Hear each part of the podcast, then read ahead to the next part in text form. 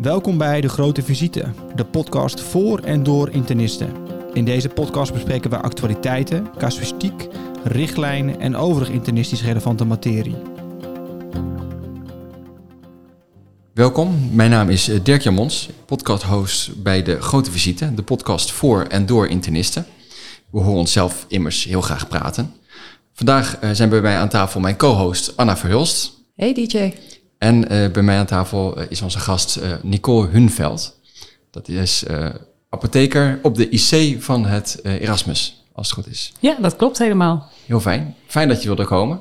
En we gaan vandaag praten over duurzaamheid. En dat is eigenlijk, we hebben je uitgenodigd vanwege nou, het project in het Erasmus, waar je zelfs de Sustainability Award voor gewonnen hebt. De Green Intensive Care. Ja, dat klopt. Ja, wat is een Green Intensive Care? Ja, dat zal ik uitleggen. Dat is een project wat twee jaar geleden is gestart. Uh, eigenlijk om twee redenen. Um, een van de inkopers was op de afdeling geweest um, om aan te geven dat hij wel graag wat zou willen met duurzame zorg. Uh, met als achtergrond dat we met elkaar heel veel materialen verspillen. Uh, we gebruiken ze ook, maar we verspillen ook. En dat die materialen schaars worden. Dat hebben we in de COVID-pandemie natuurlijk ook allemaal wel gezien met de mondkapjes. En de andere reden was dat um, ik werk op de afdeling bij Diederik Gommers en we liepen over de IC. En dat was in de eerste COVID-golf en we vielen eigenlijk over de blauwe tonnen die buiten de boksen stonden. En eigenlijk zeiden we tegelijk, jeetje, wat zijn we aan het doen? Die, die dingen peilden uit van de jassen, de schorten, et cetera. Um, en je zag eigenlijk het afval nu voor je neus. Daar waar je het normaal natuurlijk niet zo ziet, dan is het vaak in de kamer. En daar schrokken we eigenlijk wel van. Dus we zeiden tegen elkaar, dit kan echt niet meer. We zijn de aarde echt wel aan het verprutsen. Dus eigenlijk vanuit die twee bewegingen, die kwamen bij elkaar. Toen zijn we het Groene IC-project gestart met een bedrijf wat daarin gespecialiseerd is, Metabolic uit Amsterdam. En zij zijn ons gaan helpen om alle materialen van de IC in kaart te brengen over 2019 en de footprint daarvan uit te rekenen. Ja, want het zijn niet echt materialen die je makkelijk vervangt. Want we hebben juist toch heel veel van die wegwerpmaterialen, omdat het voor onze, ja, eigenlijk voor de gezondheid, voor uh, de hygiëne belangrijk is. Uh, ja, dat klopt. Uh, maar een deel ervan kan je echt wel vervangen. Uh, en ik denk dat we naar slimmere materialen toe moeten, zoals beter afbreekbare plastics of meer zuivere plastics, zodat je in de keten er nog wel wat mee kan.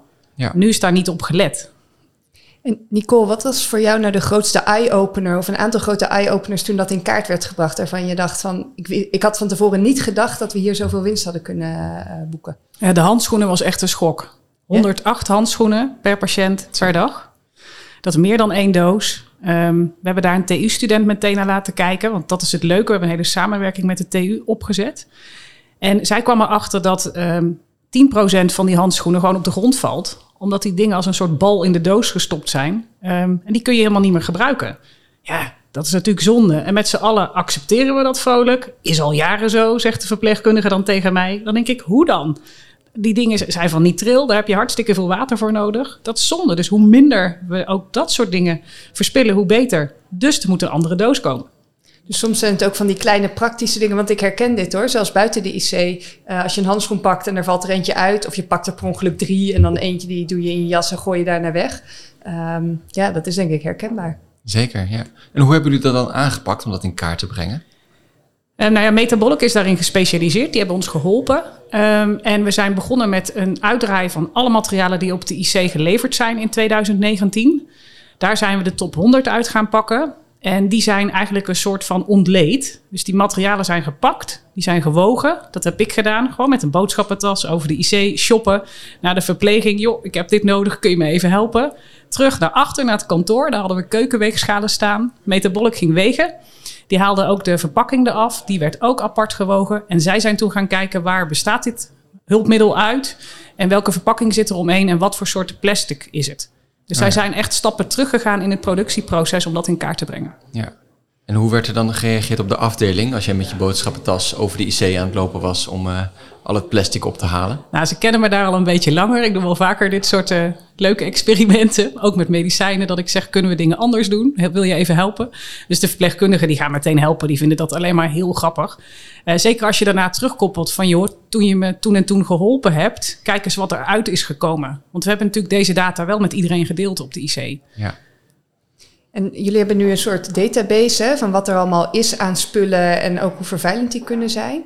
Zijn er ook al stappen tot actie ondernomen of is dat juist nu de volgende stap? Of waar zijn jullie in het proces? Nou, uit deze analyse kwamen zeven hotspots. Dat zijn eigenlijk zeven materialen die het meest vervuilend zijn.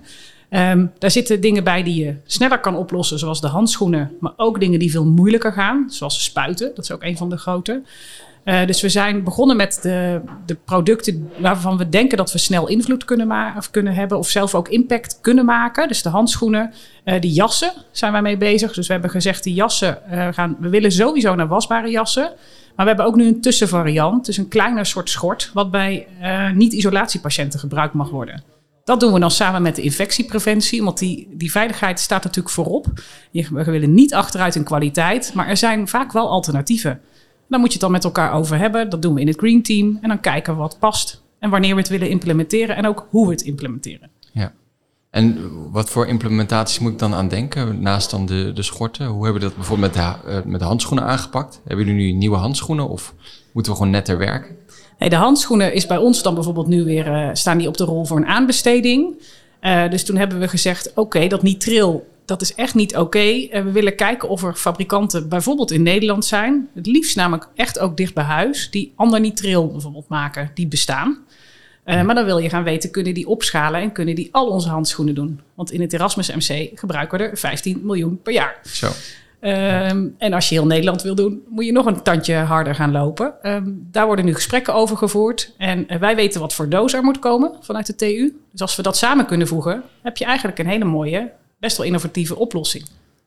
En Nicole, jullie nemen nu allemaal kleine stappen, of kleine en grote stappen in de goede richting. Wat is voor jou, wat, wat is de stip op de horizon? Waar wil je heen en binnen welk tijdsbestek? Waar dromen jullie van? Nou, die stip is echt een soort bom die we hebben geplaatst. Uh, we willen in 2030 100% circulair zijn en van het afval af zijn. Zo, dus 100% circulair, dat betekent dat eigenlijk dat er geen nieuwe grondstoffen of materialen naar de intensive care toegebracht hoeven worden. Dat alles wordt gerecycled, uh, wordt hergebruikt. Ja, ofwel hergebruiken inderdaad, ofwel recyclen of een ander doel uh, verzinnen. Daar hebben we ook techniek van de TU Delft bij nodig. Uh, maar we moeten veel breder kijken dan de dingen die we nu doen. Ja. Wat is de impact van al die dingen die jullie nu veranderen op de, mensen, uh, op de mensen die op de intensive care werken? Krijgen ze er meer werk door? Wordt het werk makkelijker, leuker? Um, is het makkelijk om ze mee te krijgen? Of stuit je ook op weerstand? Nee, het is zeker makkelijk om ze mee te krijgen, omdat we heel erg vanuit hun de verandering willen inzetten. Ik, ik wil het niet bedenken. Ik wil dat de verpleegkundigen aangeven, joh, en dat doen ze nu ook. Um, iedere nacht vervang ik de zondevoedingsslangen. Moet dat eigenlijk wel iedere nacht? Want dat is heel veel plastic en best een groot ding. Dan zeg ik, joh, dat is een topvraag. Die pakken we op, nemen we mee in het green, green Team. En kom je zelf ook dat uitleggen in het Green Team. Ja. Dus zo proberen we eigenlijk een sneeuwbaleffect te maken. Dat mensen direct betrokken worden. Uh, we hebben onderwijs aan ze gegeven. We vragen regelmatig, heb je nieuwe ideeën? Uh, en we koppelen terug wat we doen. Ik denk dat dat heel belangrijk is. Dat mensen zien dat je hun plannen meeneemt, er iets mee doet. En uh, ze ook zelf er weer mee verder kunnen.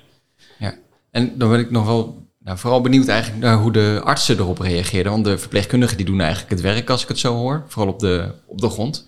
Uh, maar ja, heb je nog daar weerstand of uh, juist uh, medeleven gekregen vanuit, vanuit de intensivisten en de internisten? Nee, veel medeleven. Ook daar hebben we de data gedeeld. En vraag ik ook aan hun van, goh, wat kunnen we nou als vakgroep, of als staf samen anders doen? En dan komen er ook meteen ideeën en is men echt wel bereid tot meedenken en tot veranderen. Dus ja. Dat, uh, ja, dat valt me alles mee. Um, hoort misschien een beetje bij de IC ook, dat die altijd wel gewend zijn even iets te veranderen. Ja. Um, en het leuke is denk ik dat je met elkaar dan weer tot nieuwe plannen komt en denkt, oh, dat is ook eigenlijk wel een goed idee. Pakken we op, nemen we mee in wat we al aan het doen zijn. Of uh, ik vraag een TU-student om er naar te kijken. Ja, ik vind het best indrukwekkend, ook de kleine projecten, als je al nadenkt over handschoenen en zulke soort zaken, hoeveel enorme schakels uh, je nodig hebt om dat goed uh, te kunnen veranderen. Je hebt ook de inkoop nodig, je hebt al die mensen nodig. Uh, heb je daar nog, is dat een makkelijk proces geweest om iedereen zo te betrekken, om zo circulair te worden? Uh, nou, het is een leerproces, ook voor mezelf. Want je bent natuurlijk gewend om heel erg op je eigen eiland te zitten en daar lekker je ding te doen. Maar dat gaat niet werken als je circulair wil gaan worden. het gaat echt om co-creatie, dus met elkaar nieuwe dingen verzinnen over je eigen grenzen heen kijken en eigenlijk zoveel mogelijk mensen betrekken. Terwijl je misschien geneigd bent om zo min mogelijk mensen te betrekken. Hier ja. wil je iedereen aan de tafel hebben. Iedereen is ook even belangrijk en samen kom je dan tot nieuwe oplossingen. En het voordeel is, als je het zo doet, kun je bijna meteen implementeren. Dan heb je alle hobbels al gehad. Ja, wat, ja. Nico, ik denk dat ook wel blijk van het succes van jullie project is dat jullie natuurlijk een hele mooie prijs hebben gewonnen. De Sustainability Award, een beetje een tongbreker in het Engels. Kan je daar iets over vertellen? Was dat iets waarvoor jullie genomineerd werden? Uh, wat houdt het precies in? Ja, dit is een prijs die de Erasmus Universiteit vorig jaar heeft ingesteld uh, bij de opening van het academisch jaar. En de Erasmus Universiteit zelf is heel duurzaam bezig. Ook dat hele event wat ze organiseerden wilden wilde ze CO2-neutraal maken. Dus dat werd gemeten en daar maakten ze allemaal reclame voor. En uh, in aanloop na dat event kwam er een verzoek, um, wat gedeeld werd ook met, uh, met het ziekenhuis, van zijn er duurzaamheidsprojecten? En toen hebben mensen van de taskforce bij ons uit huis, want we hebben de taskforce een groen Erasmus MC, of een duurzaam Erasmus MC, die hebben mij genomineerd. En ik was op vakantie in Parijs met mijn gezin. En toen kreeg ik dat telefoontje echt compleet onverwacht. Van joh, je hebt die prijs gewonnen. En uh, ja, um, daar zitten een heleboel dingen aan vast. We gaan een film maken. Zo. Je foto wordt opgehangen. Je krijgt geld. En uh, er is een formele uitreiking. Dus ja, dat was echt uh, de start van iets heel groots. Want vanaf toen ging het echt heel hard rollen. Ja, heeft deze prijs ook nou, eigenlijk een doorstart gegeven of een vervolg gegeven aan het project? Kan je daardoor weer meer bereiken? Uh, ik denk het wel, want we hebben een film gemaakt uh, die iedereen ook zelf kan zien. Die hebben we uh, opengezet op YouTube over dit project. met als doel om anderen in de zorg te inspireren. Dat is echt mijn doel. Um, we kunnen dingen verzinnen, maar we moeten dit delen. Niet voor jezelf houden, gewoon alles openzetten en zorgen dat anderen niet het wiel het hoeven uit te vinden. Want ja. dan gaan we weer vertragen.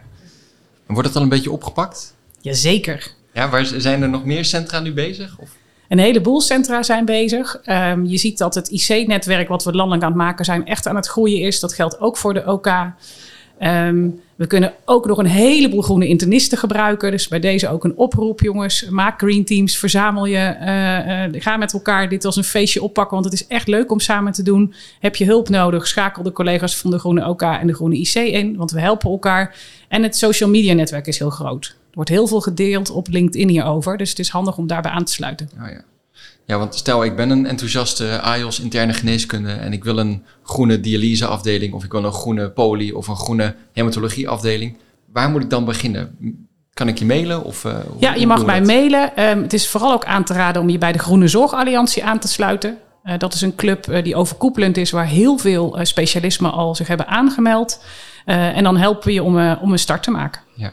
En van welke hobbels kunnen we het beste leren? Wat zijn hobbels die nou, jullie eigenlijk hebben genomen, waar jullie heel veel moeite mee hebben gehad, wat nou, voor ons eigenlijk de weg glad strijkt?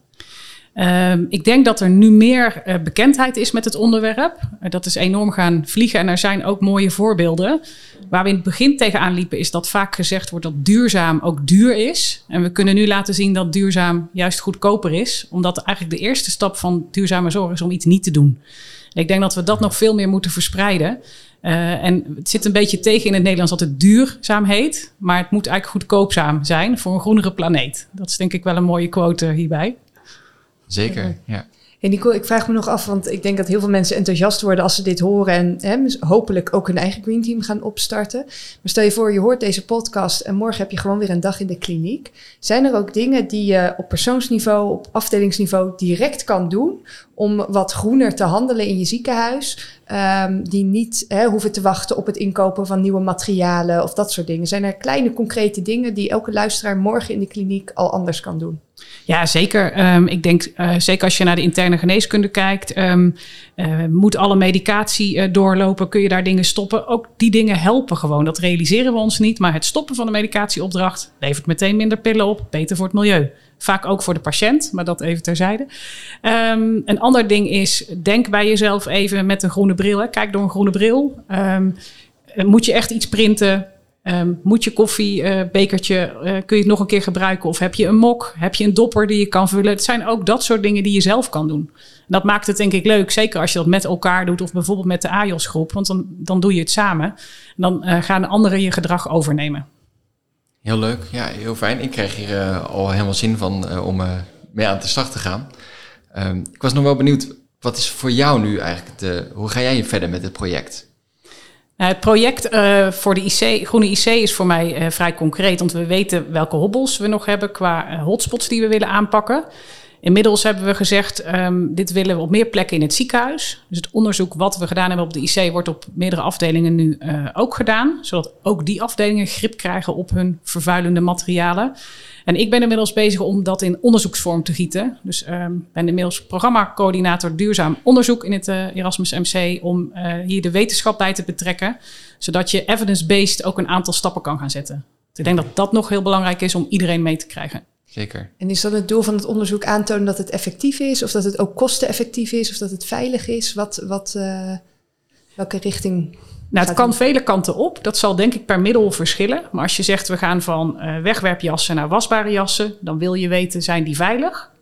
Um, wat kost het? Want dat kan een investering teweeg brengen, want je moet ineens naar je wasserij ja. en dat opschalen. Uh, dus het wisselt heel erg per onderwerp um, ja, hoe je ermee om moet gaan.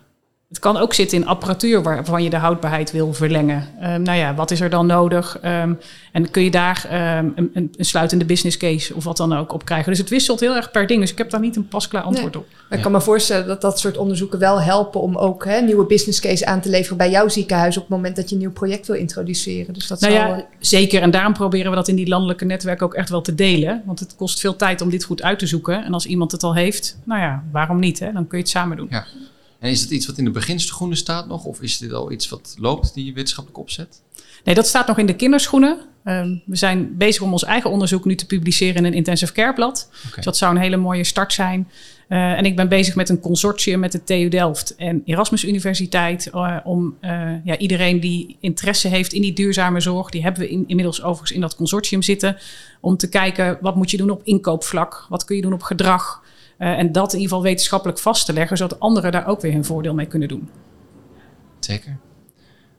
Ik kijk heel even naar rechts. Heb jij nog vragen, Anna? Nee, ik, uh, ik ga gelijk als ik... Uh, ja, we zitten nu natuurlijk live bij de internistendagen. Maar als ik maandag weer aan het werk ben... dan uh, sta ik weer helemaal op scherp om ook zelf weer groen te handelen. En ik begin Zeker. een beetje schaamrood te krijgen... want ik heb gisteren toch nog wel aanzienlijk wat geprint. Dat had ik misschien beter niet kunnen doen, Dirk-Jan. Oh ja, dat is niet best. Ik, tegenwoordig gebruik ik al één mok op mijn werk. We hebben tegenwoordig ook de grote visitemokken. Dus deze gaan we zeker veel gebruiken de komende tijd. Ook vanuit het duurzaamheidsperspectief natuurlijk. Um, ik wil je in ieder geval bedanken uh, voor uh, de, huidige, de heldere uitleg. Uh, ik ga toch nog één vraag stellen die we eigenlijk aan het begin meestal van de podcast stellen, die ik was vergeten, maar ik wil hem wel graag weten. Meestal stellen we altijd de vraag, wat, voor, wat zou je zijn geworden als je geen internist was geworden? in jouw geval, gezien je apotheker bent, ben ik vooral benieuwd, wat voor internist zou je willen zijn? Ja, ik ben een beetje gebiased, want ik carpool al heel lang met een internist die uh, over de metabole ziekte gaat. Maar die puzzel die, die intrigeert mij enorm, dus daar hebben we veel gesprekken over. Dus dan uh, internist metabole, metabole ziekte zou het dan zijn geworden. Nou, dat lijkt me een hele mooie, zeker. En ook erg academisch, dus dat is ook alweer een mooie, mooie link. Uh, dankjewel uh, voor nou, de aanwezigheid hier. En uh, dankjewel thuis voor het luisteren naar een aflevering van De Grote Visite, een podcast van de Nederlandse Internistenvereniging.